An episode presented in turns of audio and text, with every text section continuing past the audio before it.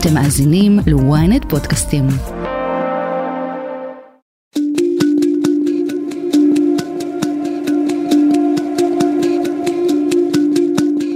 היי, אני יובל מן ואתם מאזינים לרפרש, פודקאסט הטכנולוגיה של ynet. יותר מ-1200 ישראלים נרצחו ונהרגו במתקפת הטרור של חמאס ובקרבות שבאו אחריה. אבל במלחמה הזאת יש עוד שדה קרב פחות מדובר שמתרחש במרחב הדיגיטלי. הרשתות החברתיות מוצפות בדיסאינפורמציה, פייק ניוז ותיאוריות קונספירציה סביב העימות, ואפילו באיחוד האירופי הביעו דאגה מהכאוס בפלטפורמות של מטא וב-X, טוויטר לשעבר, וקראו לראשיהן לעמוד על המשמר. כדי לנסות להבין מה קורה ברשתות החברתיות, מצטרף אלינו מנכ"ל הסטארט-אפ CHEQ, שבשגרה נאבק בבוטים שמנסים לפגוע בחברות מסחריות, אבל בימים האחרונים התגייס לחזית ההסברה הישראלית. גיא טיטונוביץ', שלום. אהלן אהלן. תגיד, מי שעוקב אחרי המלחמה באמצעות אקס, טוויטר לשעבר, טיק טוק או אינסטגרם, יכול באמת להבין מה קורה בשטח? לא בהכרח, אני חושב שתמונות uh, מהזוועות uh, הן בהחלט מן הסתם מהימנות, אז, אז, אז ככלל, uh, תראה, יש, יש ודאות אחת ברורה. קבוצה של חלאות טבחו באזרחים, אנסו נשים, ערפו ראשים של תינוקות ויתר סיפורי זוועה.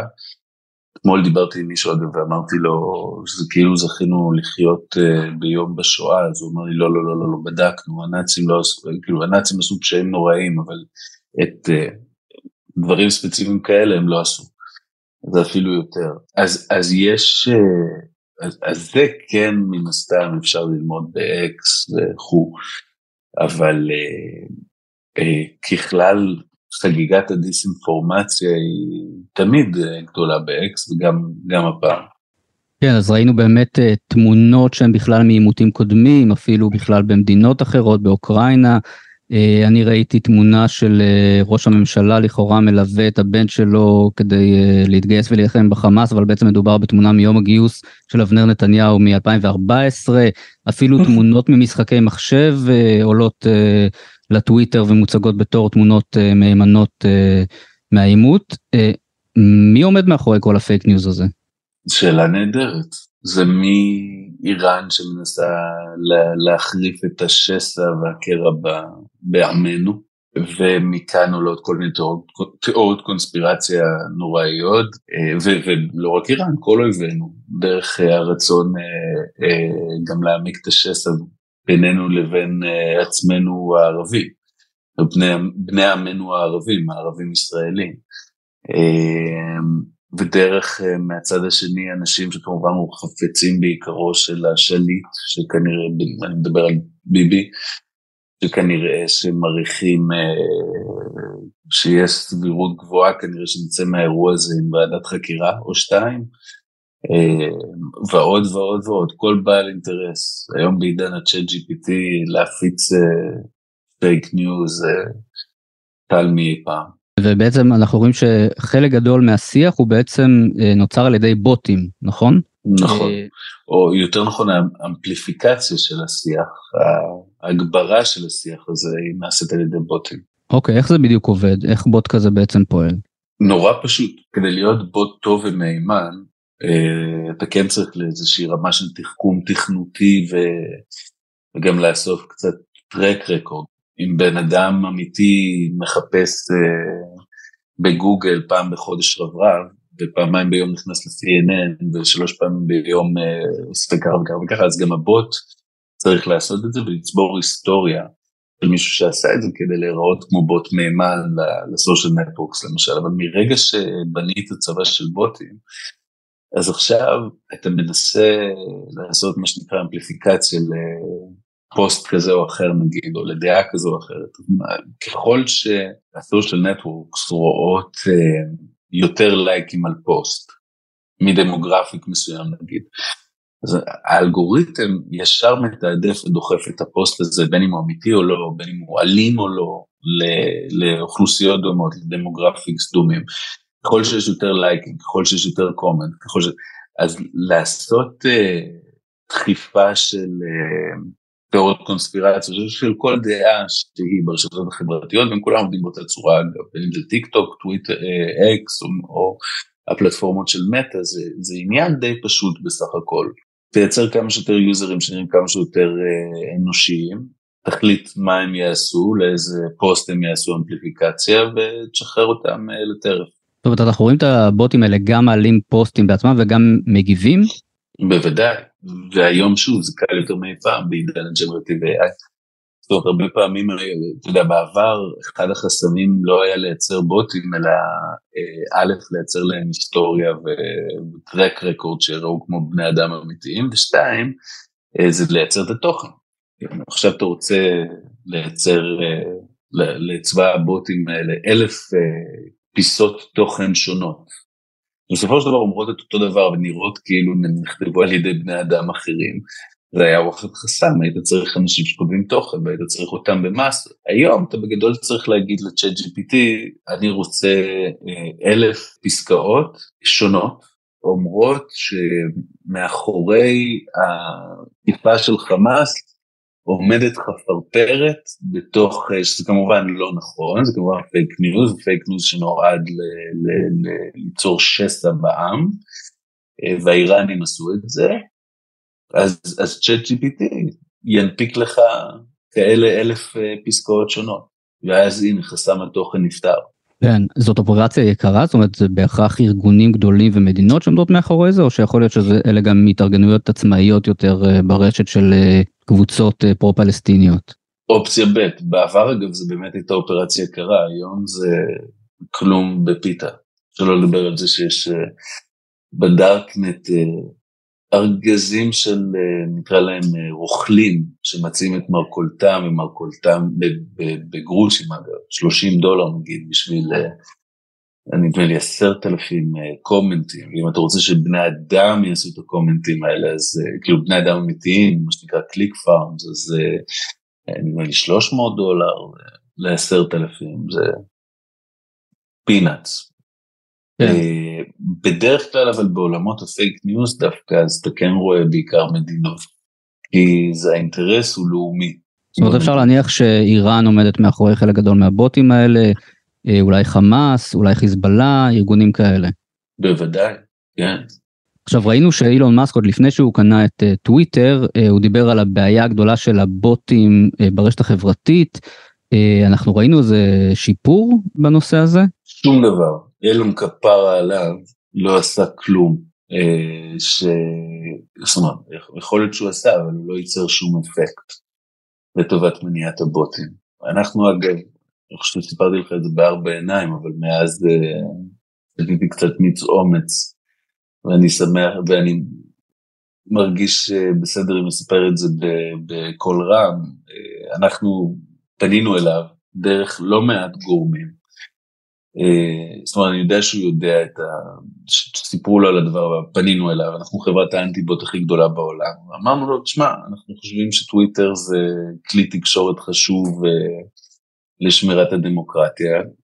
קח את הכלי שלנו בחינם, בוא נשמיד בוטים בטוויטר. אה, והוא מעולם לא חזר אלינו. לא, כן, בסדר, אנחנו מטפלים בזה, לא, מעולם לא חזר אלינו. הוא לא מטפל בבעיית הבוטים בכלל, הוא חיפש פתרונות יצירתיים כמו לגבות, אני לא זוכר כמה זה, אבל נדמה לי 8 דולר בחודש בשביל להיות יוזר מאומת, לא ממש עזר ולא ממש עבד, ושוב, אם לחזור לשאלת העלות של הבוטים, אז כאמור היום זה מאוד זול וקל לייצר אותם, אבל חסם של 8 דולר לחודש לא ימנע מאיראן לייצר עכשיו 300 אלף בוטים, זה, זה, זה גרושים אה, עבור מדינה. בעצם מה שאתה אומר שגם אם אנחנו רואים יוזר uh, בטוויטר או אקס כמו שנקראת עכשיו עם וי כחול זה לא אומר שזה לא בוט. בוודאי, בוודאי. מדאיג. Uh, עכשיו ראינו שגם מאסק וגם צוקרברג קיבלו בימים האחרונים נזיפה מהאיחוד האירופי שקרא להם uh, להקפיד למנוע הפצה של דיסאינפורמציה ותוכן לא חוקי בפלטפורמות. המנכ"לית של איקס לינדה יקרינו הודיעה שהחברה מחקה מאות חשבונות שקשורים לחמאס. זה צעד שיכול לשנות את התמונה או שמדובר בטיפה בים? די טיפה בים, אני יודע עובדתית ששוב, שתי החברות כן מנסות להילחם בפייק ניוז, דיסאינפורמציה ודברים שהם malicious, לא במה שקשור לבוטים. אגב, לא מתוך uh, כוונת זדון חלילה או חוסר אונים, אני חושב שיש סיבות אחרות, אבל שוב, זה, זה ממש ממש ממש טיפה בים. גם אקס ומטא הם לא הפלטפורמות היחידות שבהם הדברים האלה קורים. זאת אומרת, יש פלטפורמות הרבה יותר פרוצות כמו טלגרם, שבהם יש uh, חגיגה על הדם, משחיקת ההרתעה, שלדעתי הנשק האסטרטגי הכי חשוב שיש לעם היהודי ולמדינת ישראל, בדמות uh, קבוצות כמו גז הנאו, uh, שמראים בהם סרטוני זוועה עם ישראלים מתים, והתוכן הטקסטואלי המשוייך לוידאוים האלה זה דברים כמו ישראל לא חזקה כמו שהיא הייתה פעם, או בגדול שאנחנו פחדנים וכו' וכו' וכו', ודרך גיוס תרומות דרך הפלטפורמות האלה. עכשיו בטלגרם אין מי שיוריד את זה. אין דין ואין דיין בטלגרם. בדיוק, ושם הבעיות הבאמת גדולות כרגע. אני חושב שמתוך שאלת מוסר מול חופש הביטוי יש גם כן בעיה. זאת אומרת היה פוסט למשל של מיה חליפה, אני לא זוכר, שחקנית הפורנו המהוללת, אה, שידועה כשונאת ישראל, ואני לא זוכר אם זה היה באקס או באינסטגרם, אבל אה, אני חושב שמה שהיא כתבה, זה היה אחרי היום הראשון של המלחמה. אה, היה משהו בסגנון לאותם לוחמי חופש, אם תוכלו בבקשה רק לצלם בהוריזונטל, כן, בזווית כזאת, ולא בוורטיקל, זה מאוד יעזור לי, תודה. היא מאז מחקה את הציוץ הזה, אבל אתה יודע, זה ציוץ פסיכופתי, לא פחות, זה, זה, זה לא שונה מלצחוק על ניצולי שואה, כאילו. כן. זה, זה מפלצתי. עכשיו כאן יש סוגיה של חופש ביטוי אני מניח, אז נכון, אי אפשר להכניס אותה לכלא על זה כנראה בארצות הברית, אבל בהחלט אפשר to take the moral highway, מה שנקרא, ולעשות את הדבר האתי והמוסרי, ולמחוק לה נגיד את החשבון, כי בכל זאת טוויטר, אינסטה, איזה חברות, מותר להם לעשות את הדברים האלה, וגם את זה הם לא עושות. בוא נדבר רגע על ההבדלים בין הפלטפורמות השונות. אמרנו שבטלגרם הכל הולך, אין שם שום ניטור תוכן. אה, בטוויטר אנחנו רואים אה, המון המון פייק ניוז ודיסאינפורמציה. מה אנחנו רואים באינסטגרם, בטיק טוק, בפייסבוק? גם וגם וגם וגם. אנחנו רואים בעיקר בקומנטים המון עבודה של פוטים, המון, שמפיצים מסרי שנאה, שקרים. אתמול יצא וידאו מטעם חמאס, שאומר דברים שאנחנו משקרים בגדול, ומפיצים בתקשורת uh, שלוש עובדות שמעולם לא קרו.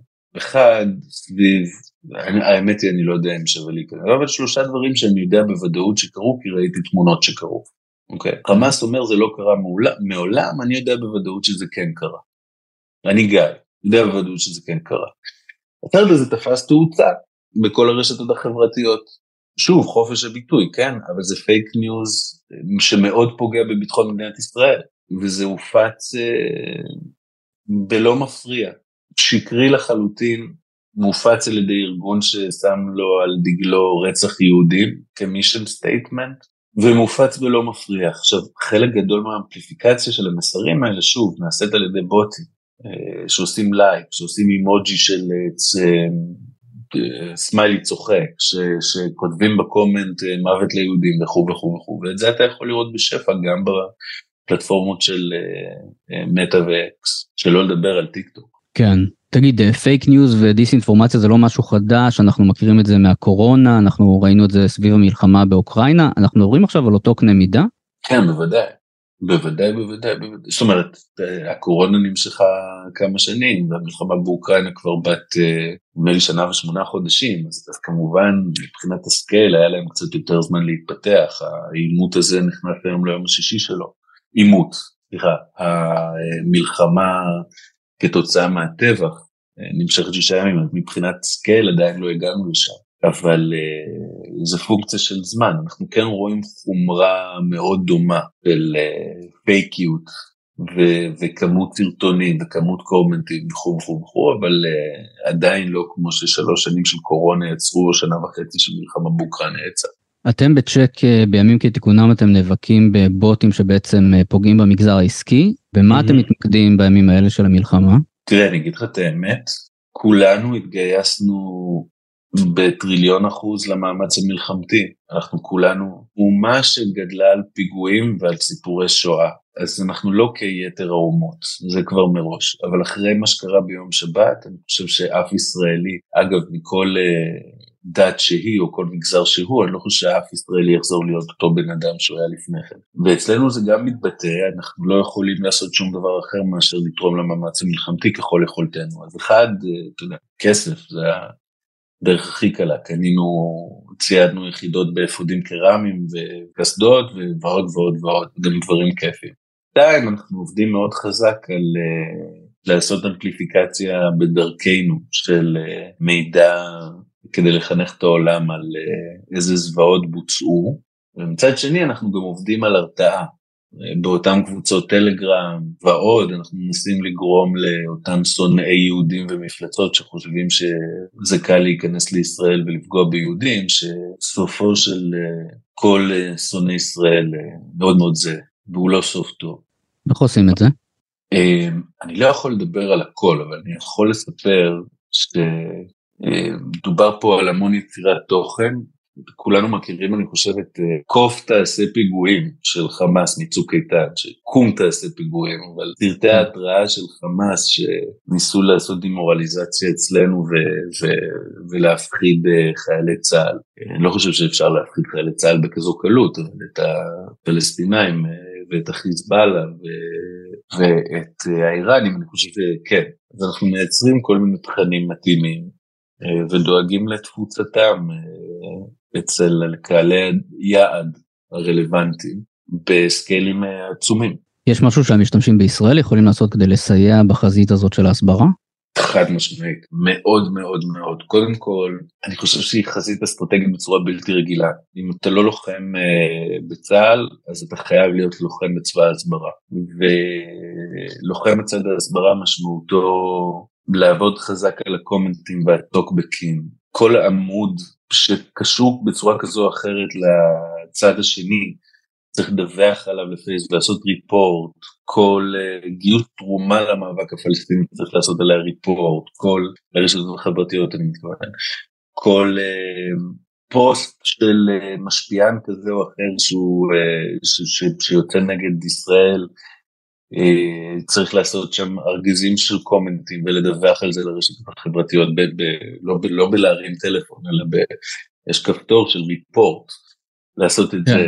אה, לתרום למאמץ ההסברה ותזכרו בסופו של דבר זה לא משנה אם אתה ימיני קיצוני או שמאלני קיצוני או מרכז קיצוני הפשעים שנעשו ביום שבת שבמסגרתם למעלה מ-1300 אנשים סופר נרצחו בדם קר מהם על פי רוב נשים אה, ילדים וזקנים וכשנרצחו אני מתכוון שהמוות היה שחרור מעינוים כי הרבה מאוד מהאנשים האלה נאנסו בצורה סדרתית יש תיאורי זוועה על מה עשו לתינוקות ותיאור, ותמונות ותיאורי זוועה על מה עשו לנשים וכו' וכו' וכו' וכו'. אין דבר שמצדיק פעולות כאלה ואנחנו צריכים להזכיר לעולם שמדובר בארגון טרור מזעזע אלים יותר מדאעש ושם לו על דגלו להשמיד יהודים ולא שום דבר אחר לא לשחרר אף אחד. פשעים שהוא עשה ביום שבת נגד האנושות, נגד ילדים, נגד נשים, גם לא דאעש ולא הנאצים עשו בכזו צורה.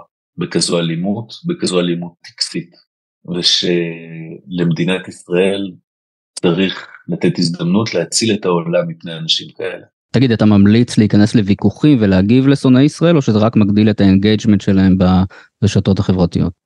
בפירוש ממליץ להגיב להם, בפירוש. ושוב, לא צריך להיכנס לפרטי הסכסוך הערבי-ישראלי או הפלסטיני-ישראלי, כל מה שצריך להזכיר זה את פרטי הזוועות שבוצעו בשבת, שכל מי שלא אומר זה מזעזע, ואני מבין שיש כאן צד מפלצתי וצד שוחר שלום, הוא פשוט תומך ב- ביצירת זוועות כאלה, במעשי זוועה כאלה, ולא צריך להיכנס לאף פרט אחר, פשוט להיכנס איתם לדעתי לדיון הזה והדיון הזה בלבד.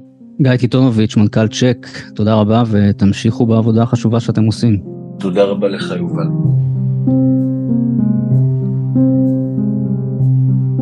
במקביל לתוהו ובוהו שמתרחש ברשתות החברתיות, קבוצות האקרים פרו-פלסטיניות מנסות להוציא לפועל מתקפות נגד מטרות ישראליות. בימים האחרונים ראינו פריצה לקריה האקדמית אונו, הפלה לזמן קצר של מתחם האתרים הממשלתי gov.il, והפצה בטלגרם של קובץ שכולל מידע על 6.5 מיליון ישראלים. גיל מסינג, ראש המטה בחברת אבטחת המידע צ'ק פוינט, מצטרף אלינו כדי לעשות סדר במה שמתחולל בזירה הזאת. גיל, שלום. אהלן. תגיד, אה, בהכרח איפה שאנחנו רואים אה, עימות צבאי אנחנו נראה גם מלחמת סייבר? אנחנו נראה תקיפות בסייבר כחלק ממרחב הלחימה והתקיפות באופן כללי, אבל אנחנו לא בהכרח נראה אותם כמו שאנחנו רואים אותם בצורה שוטפת. אני אגיד יותר מזה, באופן די חד, ככל שהמלחמה הופכת להיות פיזית, היא נהיית פחות דיגיטלית, וככל שהמלחמה פחות פיזית, שזה רוב הזמן, היא נהיית הרבה יותר דיגיטלית. אז תקיפות הסייבר הכי גדולות ומשמעותיות אתה דווקא רואה בתקופות שהן פחות תקופות של מלחמה, ולפחות כרגע אתה מרגיש את זה גם פה במלחמה מול חמאס, שהיא הרבה יותר פיזית, היא הרבה יותר בפעולות של לחימה של אה, במרחב המציאות, ופחות במרחב הדיגיטלי, הן קורות, זה חלק מהמרחב, אה, אבל זה לא בר השוואה בכלל לתקיפות שאתה רואה לא מהצד הזה ולא מהצד הזה. אה, אז בוא נדבר באמת על מה שאתם רואים בימים האחרונים מאז שהתחילה הלחימה בדרום. אז אני אחלק את זה לכמה קבוצות. את ה... יש את התקיפות של התקיפות של הכמות, יש את התקיפות של התקיפות של האיכות, יש את העולמות של הניסיונות אה, לפגוע, לייצר דיסאינפורמציה ולהטיל הרבה מאוד טרור על תושבים, ויש את האיומים. אז בואו ברשותך נעבור אחד אחד. הרוב המכריע של תקיפות הסייבר שקורות מאז יום שבת, הן תקיפות שנקראות באנגלית DDoS, Denial of Service, מניעת שירות, שזה בעצם במילים פשוטות אה, לפגוע ביכולת של אתרים לתפקד, פשוט להפיל אותם. זאת אומרת זו מתקפה לא מאוד. היא ברף המאוד נמוך של תקיפות הסייבר.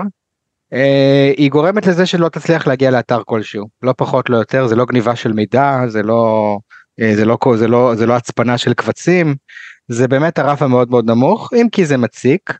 אנחנו רואים קרוב למאה תקיפות כאלה שקרו עד עכשיו, זה ממוקד בעיקר סביב אתרים שהם אתרים ממשלתיים או ציבוריים, כמו אתרים של רשויות מקומיות, אתרים לפעמים של אה, גופי תקשורת למיניהם, אה, ובנוסף אליהם כבן דוד שלהם יש משהו שנקרא defacement שזה השחתה שזה אתרים מאוד לא מוכרים ומאוד לא מתוחזקים שפשוט משתלטים הם על העמוד הראשי ושמים שם תמונות אה, פרו חמאסיות ואנטי ישראליות זה כאמור הרף המאוד מאוד נמוך של התקיפות אם כי צריך להגיד שזה יכול להשתנות גם בהיבטי ה DDoS כי אם אתר מסוים יהיה למטה במשך יום תחשב אתר פיקוד העורף או משהו כזה משמעותי אז יש לזה בפירוש משמעות אנחנו לא שם בכלל. אז זה הרוב הכמותי של התקיפות שקורות עד עכשיו ומה שגורם לי להגיד שלפחות בינתיים תקיפות הסייבר הם לא במרחב המשמעותי. יש כן תקיפה אחת שקרתה במסגרת העימות הזה המלחמה שהיא תקיפה משמעותית, היא קרתה על הקריה האקדמית אונו, אה, ששם בסופו של דבר קבוצת תקיפה הגיעה להרבה מאוד מידע אישי של מה שנראה כמו סטודנטים נוכחים או לשעבר סגל וכל מיני קבצים אחרים שהיו שם ופרסמו הרבה מאוד פרטים אישיים של הרבה מאוד אנשים מהמוסד הזה. אה, זה נמצא כרגע בטיפול של גופים ממשלתיים ושל הקריה האקדמית עצמה זאת תקיפה יותר איכותית כי פשוט הגיעו שם להרבה מאוד חומרים. והיא אחת כזאת. כמו מאות אלפי סטודנטים וסטודנטים לשעבר נכון? יש שם אם אני זוכר נכון אה, קבצים בגודל של 800 מגה בייט ומספר מהם ורשומות של משהו כמו 250 אלף איש שאני אהמ. מניח שזה סטודנטים סטודנטים לשעבר אנשי סגל אנשים שעוברים שם זה כמות מאוד מאוד גדולה בימים שכתיקונם זו הייתה תקיפה מאוד מאוד מדוברת אה, והיא יותר משמעותית מכל מה שדיברנו קודם. יש כזאת אחת מדווחת אני מניח שפה ושם אנחנו שומעים בימים קרובים על עוד. אה, אבל הם כמותית הן, מעט, הן מעטות אבל האיכות שלהם יותר גבוהה. זה בעולמות האיכות. יש את העולם של ה... אני לא רוצה לקרוא לזה תקיפה כי זה לא... אין פה, אין פה קורבנות אבל יש פה בפירוש הצפה של הרבה מאוד ישראלים שמקבלים הרבה מאוד אה, מסרים שנועדו להפחיד אותם, לייצר אה, דיסאינפורמציה, לגרום להם לבצע כל מיני פעולות שיכולות בסופו של דבר להיות מסוכנות גם בהיבטי הסייבר, זה כל ההודעות אס.אם.אסים, וואטסאפים, שיחות טלפון שבפירוש קורות ומגיעות לכל מיני אנשים כאן ממספרי טלפון במצרים ובתימן ובכל מיני מקומות אחרים שכותבים להם דברים בעברית קלוקלת ולפעמים בעברית ממש טובה ומנסים פשוט להטיל אה, טרור ופחד. אנחנו מדברים על הודעות וואטסאפ שהודיעו לאנשים שקרוב משפחה שלהם נפגע בלחימה נכון דברים כאלה או שזה זימון למילואים. הודעות אס.אם.אס שכתוב בהם אנחנו נגיע אליכם או תיזהרו אתם על הכוונת שלנו ודברים מהסוג הזה, או לחילופין שמפיצים דיסאינפורמציה, פשוט להפיץ כל מיני שקרים שהם פשוט לא נכונים. אה, והם מגיעים פשוט דרך מאגרים של מספרי טלפון שאפשר למצוא אותם בקלות באינטרנט של אזרחים ישראלים הם לא יודעים למי הם פונים זה לא אישי. אבל בסוף לקבל הודעה כזאת זה לא נחמד ולפעמים אני מכיר גם שני מקרים של שיחות טלפון. זה לא תקיפה בהיבט הזה של ענית לזה או קיבלת אז, אז, אז קרה לך משהו ונדבקת בווירוס. אבל זה בפירוש נועד להלחיץ את מי, ש... מי שמקבל את זה ובהמשך הדרך זה גם יכול להיות מסוכן כי יכולים לשלוח שם כל מיני לינקים או דברים שיכולים בהחלט להדביק זה גם קורה. אני גם אשים בתוך הקטגוריה הזאת אירוע שקרה ממש היום אה, בחולון ולהבנתי גם במקום אחד בתל אביב שמצליחים להשתלט על אה, תצוגות של מסכים של אה, שלטי חוצות אלקטרונים ושמים בהם כל מיני תכנים קשים לצפייה. אה, התוצאה של תקיפה כזאת זה פשוט שאתה רואה את הדברים האלה זה לא יותר מזה אבל זה גם לא פחות אז זה גם כן. פה נמצא בתוך עולמות התוכן האלה. כן, אנחנו ראינו את זה מסר פלסטיני בדיזינגוף סנטר היום. דיזינגוף סנטר ויש גם בחולון. אמ, אתה מסתכל על זה מתוך סך שלטי החוצות בישראל אתה מבין שזה כלום אבל כל אחד כזה הוא מאוד מאוד לא נעים. ויש את עולמות האיומים שאני בהחלט חושב שצריך להתייחס אליהם. אה, בימים האחרונים רואים יותר ויותר קבוצות גם איראניות וגם אחרות שמאיימות בפירוש על תקיפות הרבה יותר משמעותיות, תקיפות מסוג אה, תקיפות כופרה, שמצפינים את כל החומר ובעצם גורמים לשיתוק של מערכות, תקיפות על תשתיות קריטיות ישראליות, אה, במטרה לבוא ולפגוע בהם, אלה לא דברים שקרו, וגם אני מקווה שהם לא יקרו, אבל האיומים האלה הולכים וצוברים תאוצה. איפה האיומים האלה קורים? הם קורים uh, במקומות שבהם האקרים האלה או פעילים או פועלים. פעילים, כלומר בינם ובין עצמם, אתה רואה את זה בקבוצות שלהם ברשת האפלה, בדארקנט, שמדברים על זה. ופועלים בהיבט של לספר שהם עושים את זה, יש להם קבוצות בעיקר בטלגרם, הטלגרם בכלל הפך להיות המקום המרכזי שהאקרים מתקשרים דרכו, uh, מכל מיני סיבות, והם מפרסמים בטלגרם את הכוונות שלהם ואת האיומים שלהם. Uh, אני חושב שצריך לקחת אותם ברצינות, אני יודע שפה בארץ לוקחים את זה ברצינות. ושם כבר הקבוצות האלה בגלל היכולות שאנחנו מכירים אותן מעבר יש להם בהחלט יכולות לעשות הרבה מאוד נזק אז שוב זה עוד לא קרה. אבל צריך לתת על זה את הדעת ולהגיד שהם מדברים על זה ושהם מאיימים בזה. כן בוא נדבר רגע על באמת מי שעומד מאחורי המתקפות האלה ראינו בימים האחרונים גם אה, דיווחים על אה, מעורבות רוסית של קבוצות כמו אנונימוס סודן וקילנט שמזוהות עם, אה, עם רוסיה האומנם? כן התופעה הזאת יש לה שם מקצועי נקראת האקטיביזם זה שילוב של uh, שתי מילים באנגלית האקרים uh, או האקרס ואקטיביסטים שזה אקטיביסטים זה תוקפים ממטרות אידיאולוגית זה השם המכובס. בפועל מה שזה אומר זה שזה האקרים שמגיעים מכל מקום בעולם יש להם שיוך uh, מדינתי לפעמים זה תימן לפעמים זה אינדונזיה סודאן טורקיה ירדן מצרים עזה uh, ואיראן אבל זה, הם יכולים באמת להיות בכל מקום ועדיין להיות חלק מהקבוצות האלה. ומה שהם עושים זה שהם בינם ובין עצמם מרכזים מטרות, מחלקים משימות ותוקפים ביחד. ומהמקום הזה זה יכול להיות uh, ילדים בני 16 שיש להם יכולות אישיות גבוהות וכלי תקיפה שנמצאים באינטרנט ומצליחים להשתמש בהם. זה יכול להיות גופים מדינתיים שפועלים בכסות של אותן קבוצות וכל דבר באמצע. וזה בעצם העניין בסייבר זה יכול להיות כל אחד שיש לו חיבור לאינטרנט ואת הכלים האלה. והנקודה הרוסית היא נקודה חשובה שאם אה, אתה והמאזינים שלנו זוכרים אנחנו גם פגשנו אותה פעם ראשונה באופן פומבי באפריל במבצע סייבר מאוד גדול שבוצע נגד ישראל שנקרא OpIsrael ששם בעצם בפעם הראשונה באופן פומבי כי זה היה קצת קודם אנחנו ראינו שיתוף פעולה רוסי ונקרא לזה פרו פלסטיני או אנטי ישראלי דרך קילנט וקבוצה נוספת שקשורה בה. קילנט היא הקבוצה אחת מקבוצות האקרים הכי מוכרות ברוסיה אמ, גם הכי משמעותיות וכשהיא נכנסה למערכה באפריל אז המתקפות שהיא ביצעה אותן תקיפות uh, על אתרים היו בסדרי גודל אחרים לחלוטין והיא מאוד מאוד פעילה גם עכשיו אז הקבוצות הערביות או האנטי ישראליות פעלו יחד עם קילנט באוקראינה ונגד מטרות באוקראינה ועכשיו קילנט פועלת יחד איתם אנונימוס סודן וקבוצות אחרות כדי לתקוף מטרות בישראל. ומה שהם עושים זה שהם פשוט חוברים ביחד מחלקים ביניהם מטרות ופועלים ביחד. כי אם אני רוצה להפיל אתר, ynet לא עלינו, אז אני צריך פשוט לבוא ולהפציץ אותו בהוראות של כניסה, ומספיק שאני מייצר כמות אדירה, כי כל קבוצה כזאת תיקח חלק, אני לבד יכול לבוא ולייצר השבתה של האתר הזה. אבל בוא נשים שנייה רגע ynet בצד ונדבר ברמה מבצעית, כי זה משהו שקורה עכשיו. הם לוקחים את כל האתרים שנותנים לנו את ההודעות על ההתראות מטילים. אמ, יש, לא רוצה להיכנס לשמות ספציפיים כדי לא להלחיץ, אבל האפליקציות הפופולריות שמודיעות לנו, האתרים הפופולריים שמודיעים לנו על נפילות או על, על אזעקות. אזעקות, כן. כן, ומה שהם עושים זה שהם מנסים להשבית אותם, כדי שכשתהיה אזעקה אנחנו לא נקבל את זה. עכשיו, ברמה טכנית, בלי להיכנס לטכניקה יותר מדי, אלה אתרים ואפליקציות שעכשיו הם גם ככה בעומס יתר, כי כולנו משתמשים בהם וכולנו רוצים לדעת יותר מהרגיל. תוסיף על זה עוד ממש טיפה של פקודות מכוונות שמגיעות מבחוץ, והנה אתה מצליח לבוא ולייצר לזה נפילה. אז יש פה אה, ריכוז מאמץ יותר משמעותי סביב המקומות האלה, שקשורים למלחמה, כדי לעזור לחמאס. תגיד, מה פשר המעורבות הרוסית? זה קשור למלחמה עם אוקראינה? תראה, זה קשור למלחמה עם אוקראינה בהיבט הזה שאותן קבוצות שעכשיו פועלות נגדנו מסתייעות, ב, ב, ומסתייעות בקילנט עזרו לקילנט נגד אוקראינה, אז עכשיו קילנט מחזירה להם. יכול מאוד להיות שיש פה גם היבט uh, גיאופוליטי יותר עמוק שנוח למישהו ברוסיה להיות חלק מהדבר הזה באופן הזה. זאת אומרת נקמה על התמיכה של ישראל באוקראינה אולי? יכול, הכל יכול להיות, אני רק אגיד משהו שהוא חשוב להבין אותו בהיבט הזה. בתקיפות סייבר בשונה מתקיפות פיזיות באמת קשה לדעת מי ביצע אותם.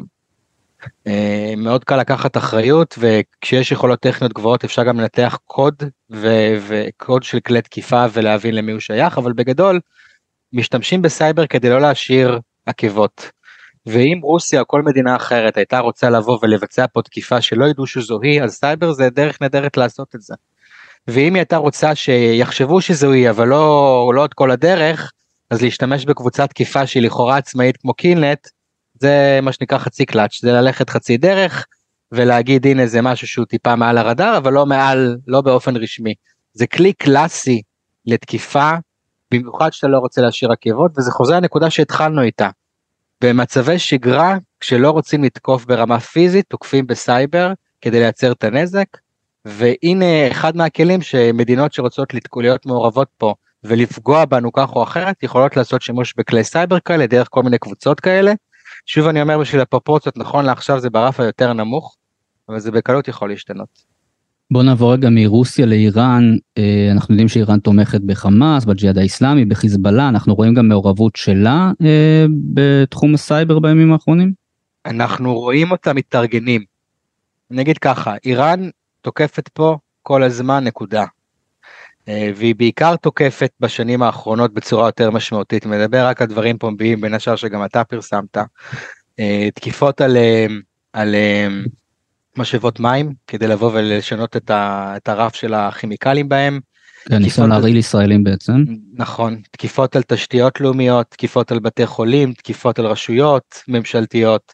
האיראנים וכמובן תקיפות שפורסמו על חברות ביטוח ועל חוות שרתים של אתרים מאוד פופולריים, הרבה מאוד מידע על ישראלים. איראן עומדת מאחורי הרבה מאוד תקיפות סייבר מאוד מאוד משמעותיות, כולל בעת האחרונה, היא עושה את זה כל הזמן.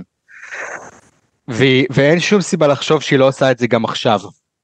מה שהיא עושה עכשיו, אה, שהוא יותר משמעותי בעיקר ב-24-48 שעות האחרונות, זה שאנחנו רואים שהקבוצות תקיפה הממוסדות שלהם עובדות מדברות בצורה יותר רצינית על לנסות לייצר פה מתקפות כופרה. ודבר נוסף שהן מנסות לעשות זה לנסות לייצר מתקפות שהתהודה שלהן תהיה גדולה. ניתן לך דוגמה. אתה זוכר שהיה פיגוע בירושלים, אה, מטען שהונח, בתח... הוטמן בתחנת אוטובוס וכמה ימים אחר כך שוחרר סרטון שמראה את הפיצוץ ממצלמה של אה, מצלמת אבטחה שהייתה על הכניסה לירושלים. זה תקיפה שברמה טכנית היא לא מאוד מתוחכמת, אבל התהודה שהיא מייצרת היא מאוד מאוד גדולה, כי זה נותן תחושה שהם הגיעו עד אלינו, הנה הם במצלמות אבטחה שלנו. Mm-hmm. וזה זה מהלך איראני קלאסי לעשות דבר כזה. אז הם מחפשים או לייצר תקיפות בממדים שהנזק שלהם יהיה משמעותי, כמו תקיפות כופרה, או תשתיות לאומיות, אבל במקביל אה, הם גם מחפשים לעשות פעולות שהתעודה שלהם תהיה משמעותית, כמו מצלמות אבטחה או דברים מהסוג הזה. כן, וראינו באמת אני... שמערך הסייבר מזהיר מפני אה, חדירה למצלמות אבטחה ומצלמות רשת ומבקש בעצם אה, אה, לשנות את הסיסמאות, אה, לא להשתמש בסיסמאות אה, ברירת המחדל, כי אה, ככה מאוד קל לחדור לציוד כן, הזה. כן, אנשים צריכים לדעת, רובנו משתמשים, רובנו משתמשים בכלים שהסיסמה שלהם היא משהו כמו 1111 או 0000. זה רע מאוד, כי כשאותם האקרים מחפשים את החיבור של אותם מכשירים לאינטרנט והם רואים חיבור של משהו שהם פשוט מנסים בכלי אוטומטי להשתמש באותם בר... סיסמאות ברירת מחדל ככה הם נכנסים פנימה ברוב מכריע של המקרים. אז זה קצת נקשה עליהם את הדרך דרך סיסמה יותר מתוחכמת עימות דו שלבי דברים מהסוג הזה אנחנו יכולים למנוע את המתקפות. וכולנו עכשיו צריכים להיות ערניים לא רק מי שיש לו מצלמות אבטחה. כל עסק שמחזיק במידע מידע כלשהו על ישראלים בוודאי תשתיות שמספקות עכשיו שירותים משמעותיים אפילו חמ"ל סיוע שמנסה עכשיו לבוא ולארגן משימות של סיוע של משלוח אוכל לחיילים או, או ציוד ל, או ציוד למפונים מעוטף עזה לבתי מלון כל אחד צריך עכשיו להיות רגיש מאוד למתקפות סייבר כי הם חלק מהלחימה הזאת ולעשות את הפעולות הבסיסיות שאם תרצה נדבר עליהם שגרמו לכל אחד להיות הרבה יותר בטוח. כן, תכף נדבר גם על זה אבל בוא נדבר רגע גם על חמאס יכולות הסייבר של חמאס אה, צריכות להדאיג אותנו בישראל? זה כן ולא. אנחנו מדינה מאוד מאוד חזקה ועם אה, יכולות סייבר מאוד מאוד טובות גם ברמה הלאומית וגם בהרבה מאוד מקומות במשק. יש מקומות שלא עושים את זה בכלל, אבל בגדול אנחנו בסדר. וחמאס זה לא מעצמה בשום דבר וגם לא בזה. אבל אחרי שאמר, אז אני רוצה לשים את זה פה, אחרי שאמרתי את זה אני כן רוצה להגיד משהו אחר, למה אני אומר גם כן. יכולות הסייבר של החמאס ההתקפיות הן בפירוש יכולות שהן משמעותיות ואני לא מזלזל בהן. אני אתן לך דוגמה אחת שאנשים אולי לא מכירים.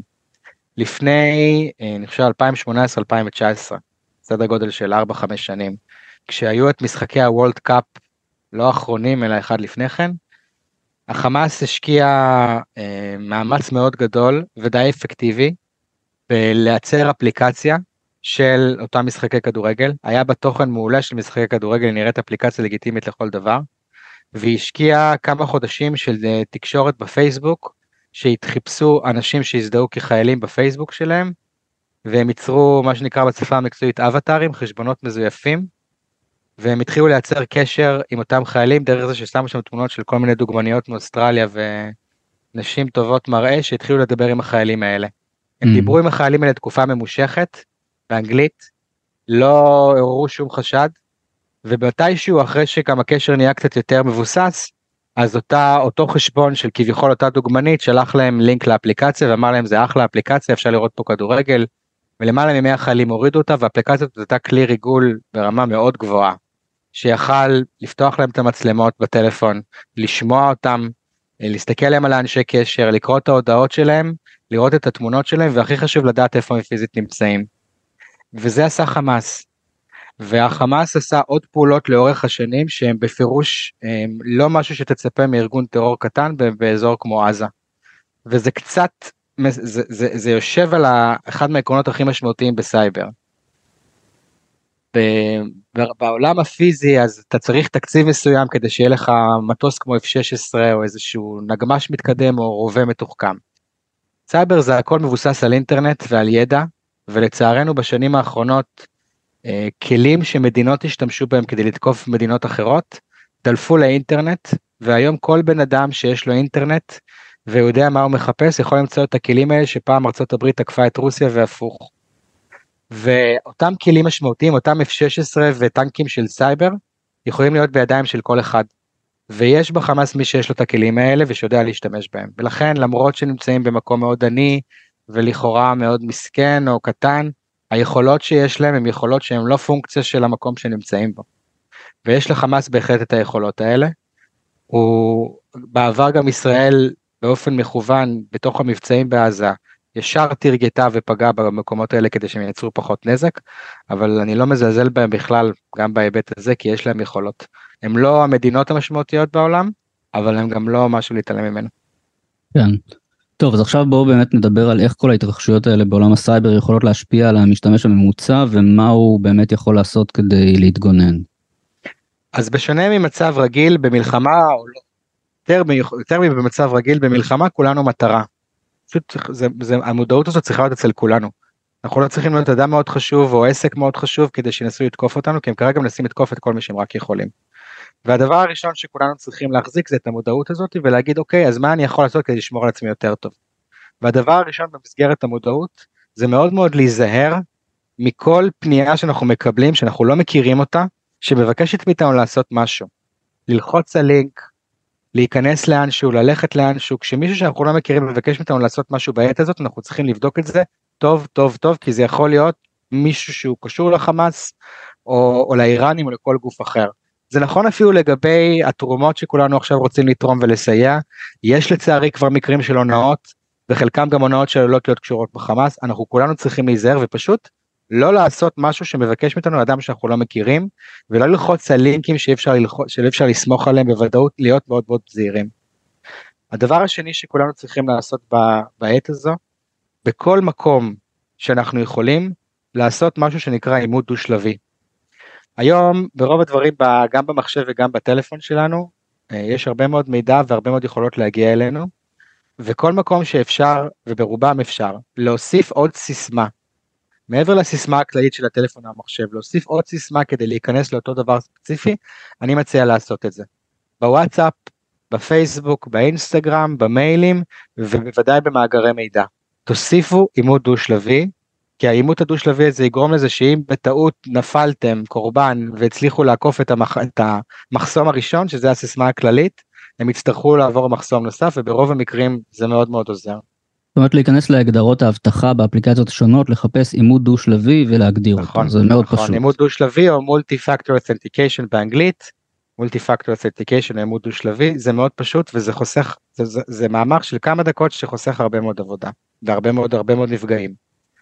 דבר נוסף אם אנחנו ארגונים, עסקים, חברות, משרדים, אנחנו צריכים לראות שהמאגרי המידע שלנו נמצאים מאחורי הגנה לפחות אחת והגנה טובה. ומעבר למוצר הגנה שיש לנו ורואים שהוא בתוקף והוא לא משהו מלפני כמה שנים אלא באמת הורדנו את עדכוני עדכוני האבטחה האחרונים אנחנו גם צריכים לראות שה... אנחנו גם צריכים לראות שכל אחד מה, מה, מהפונקציות האלה של המידע שמורות ושל לראות מי באמת יכול להגיע אליהם. זה זמן בעיניי שכל אחד בארגון שלו יסתכל ולראות מי יכול להגיע למה ואם בטעות יש אנשים שכבר לא עובדים בארגון שלנו או לא באמת צריכים את הגישה הזאת לכל המידע הזה זה הזמן לעשות בזה סדר שכל אחד יגיע לאן שהוא צריך כי הרבה מהתקיפות הגדולות המשמעותיות קורות דרך כניסה מבפנים. עובד שעושה טעות ולעובד הזה היו הרשאות לדברים שהוא לא בהכרח אפילו ידע עליהם וככה הם הגיעו להרבה מאוד מידע. אז גם לשים לב שהמידע שלכם שמור בצורה טובה, שהכלים שאתם משתמשים כדי לשמור עליו הם כלים מעודכנים, שהורדתם את העדכונים האחרונים והכל שמטופל, ועניין ההרשאות. זה נושא שהוא נורא נורא חשוב, ואני מאוד ממליץ להתחבר למאגרים של מערך הסייבר, לחשבונות שלהם, מערך הסייבר הלאומי, כי הוא מעדכן כל הזמן, בהתאם להתראות ספציפיות, דברים שכדאי וצריך לעשות כדי לשמור על עצמכם. ואני אומר עוד פעם בעיקר לקהל הרחב ש, שמאזין לנו, זה לא בעיה של איזה בנק או גוף צבאי או איזה משהו גדול. היום תוקפים את כולנו. כי דרך האפליקציות שלנו ודרך הטלפונים שלנו אפשר להשיג הרבה מאוד מידע על הרבה מאוד אנשים. וזה הזמן להיזהר, ואם כבר נפלתם איזשהו קורבן למתקפת סייבר או משהו כזה, יש מוקד של מערך הסייבר שאפשר להתקשר אליו ויש משטרה, חשוב מאוד לדווח על זה, כי אפשר להציל אנשים אחרים מליפול קורבן למתקפות האלה. גיל מסינג, צ'ק פוינט, תודה רבה. תודה רבה. עד כאן refresh להפעם. כדי להאזין לפרקים הבאים שלנו, עקבו אחרינו ב ynet, בספוטיפיי, או איפה שאתם שומעים פודקאסטים. דרגו אותנו באפל פודקאסט ובספוטיפיי, ותשלחו את הפרק לחברים שחייבים לעשות refresh.